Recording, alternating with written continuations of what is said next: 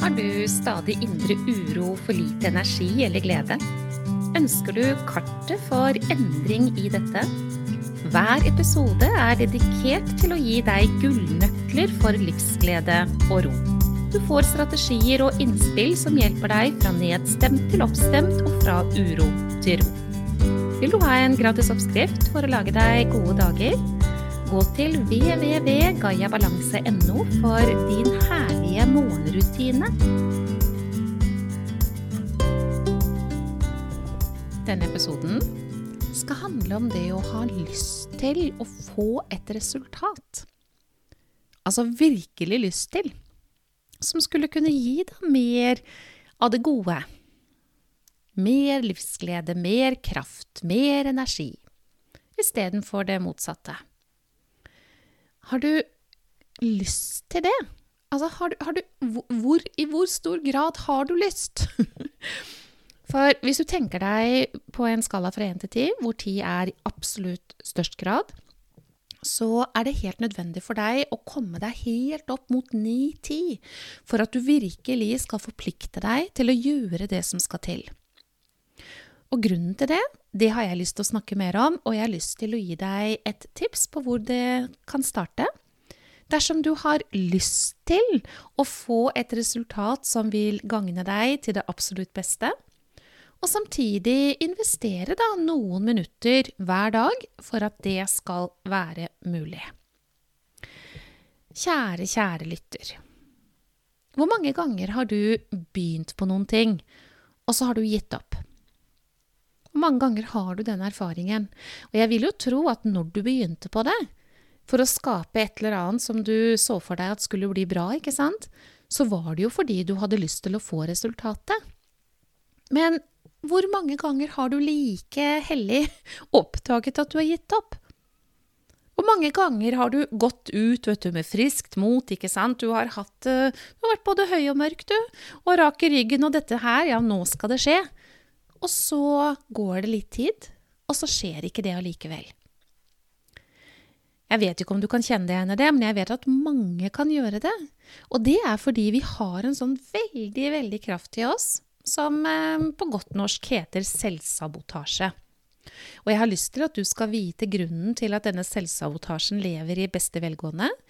Og det er rett og slett uh, ut fra alt det ukjente det er kilde til frykt.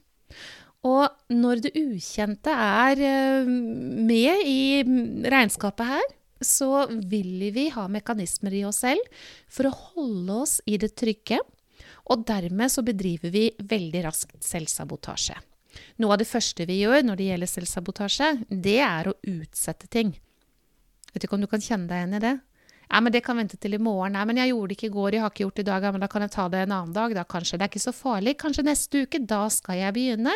Det er en sånn annen mekanisme, ikke sant?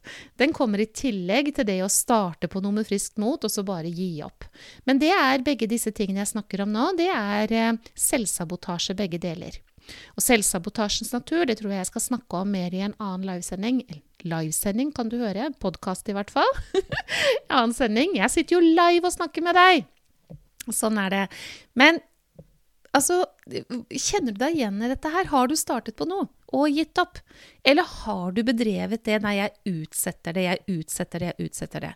Og hvilken erfaring har du da, når du har gjort enten eller eller begge deler? Har det gitt deg gode følelser?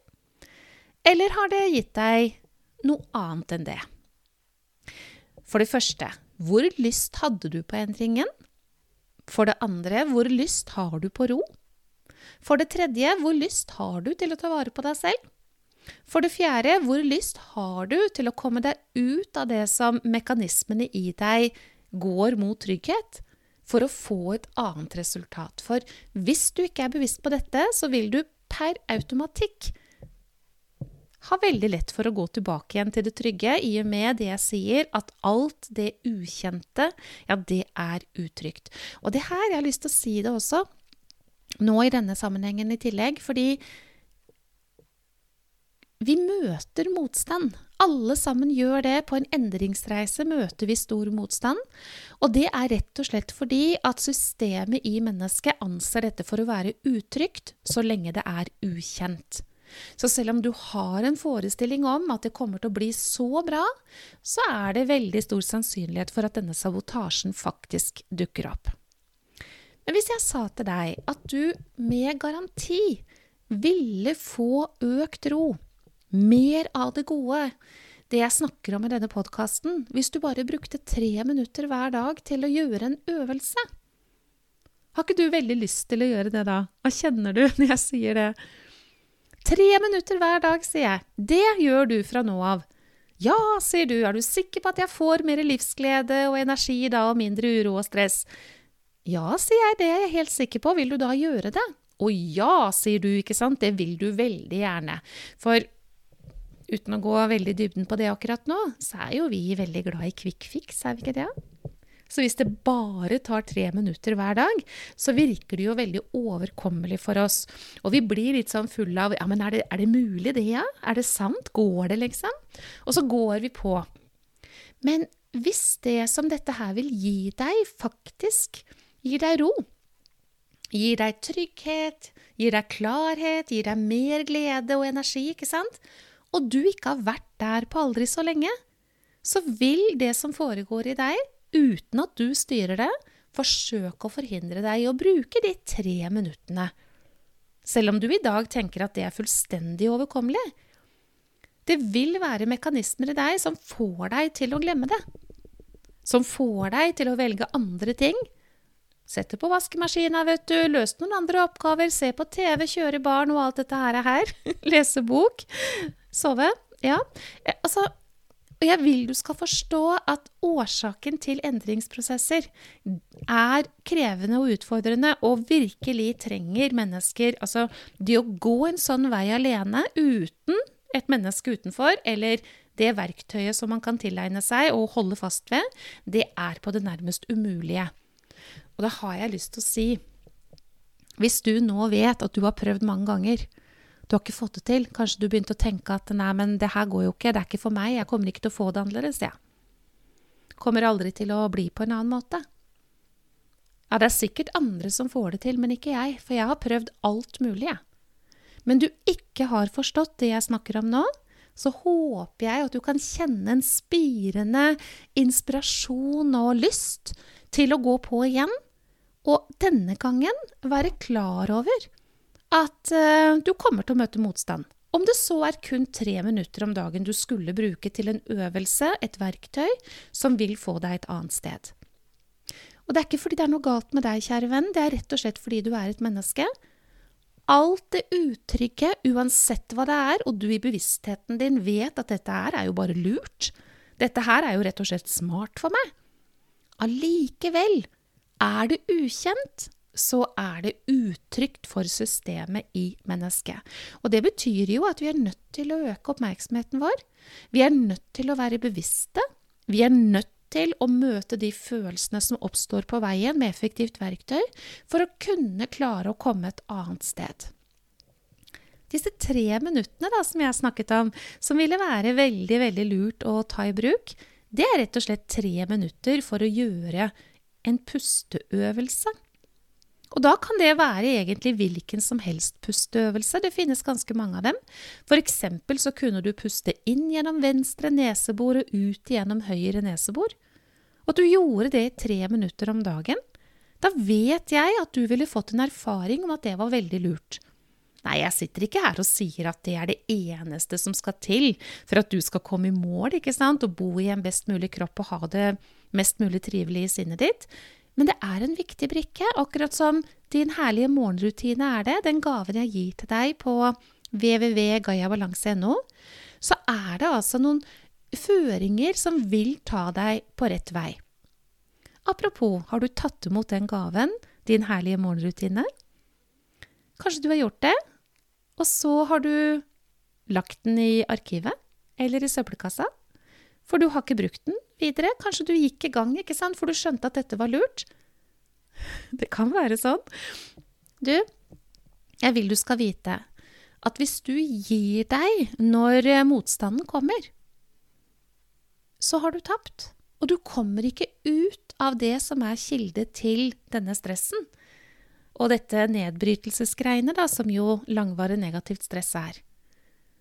Hva kan det gi deg at du forstår at det rett og slett handler om frykt for det ukjente? Fordi dette vil garantert gjøre noe for deg. Bare du gjør det, ikke sant, så vil du føres den veien. Og det vil systemet reagere på. Jeg har lyst til å si helt til slutt, skal du endre en vane, så tar det i gjennomsnitt ca. 60 dager med nitidig arbeid. Denne sabotasjen som jeg snakker om nå, den kommer lenge før 60 dager, altså. Jeg må smile litt. Eh, når man snakker om sånne nyttårsforsetter og sånn, så er det etter ca. 14 dager så har de aller, aller fleste som laget seg et nyttårsforsett, hoppet av den karusellen. Eh, av ja, det kan jo være noen mekanismer som jeg har snakket om nå, som faktisk er årsaken til det. Ta det med deg, og ta for all del med deg gaven som ligger på www.gayabalanse.no, din herlige morgenrutine. Og så begynner du å gjøre en pusteøvelse tre minutter om dagen. Og så gir du deg ikke. Fordi i sinnet ditt, i bevisstheten din, så vet du at det er trygt for deg å komme dit du skal. Men systemet ditt er ikke overbevist. For systemet ditt, det som ligger i deg og som styrer deg, bevisst, ubevisst, veldig mye ubevisst, vil ha deg tilbake igjen til der du var, fordi det anses å være trygt. Vi har et begrep på det her som heter falsk trygghet, og jeg kunne snakket mer om det òg. Jeg bare håper at dette var et innspill som du tar med deg. I hvert fall som kilde til større forståelse.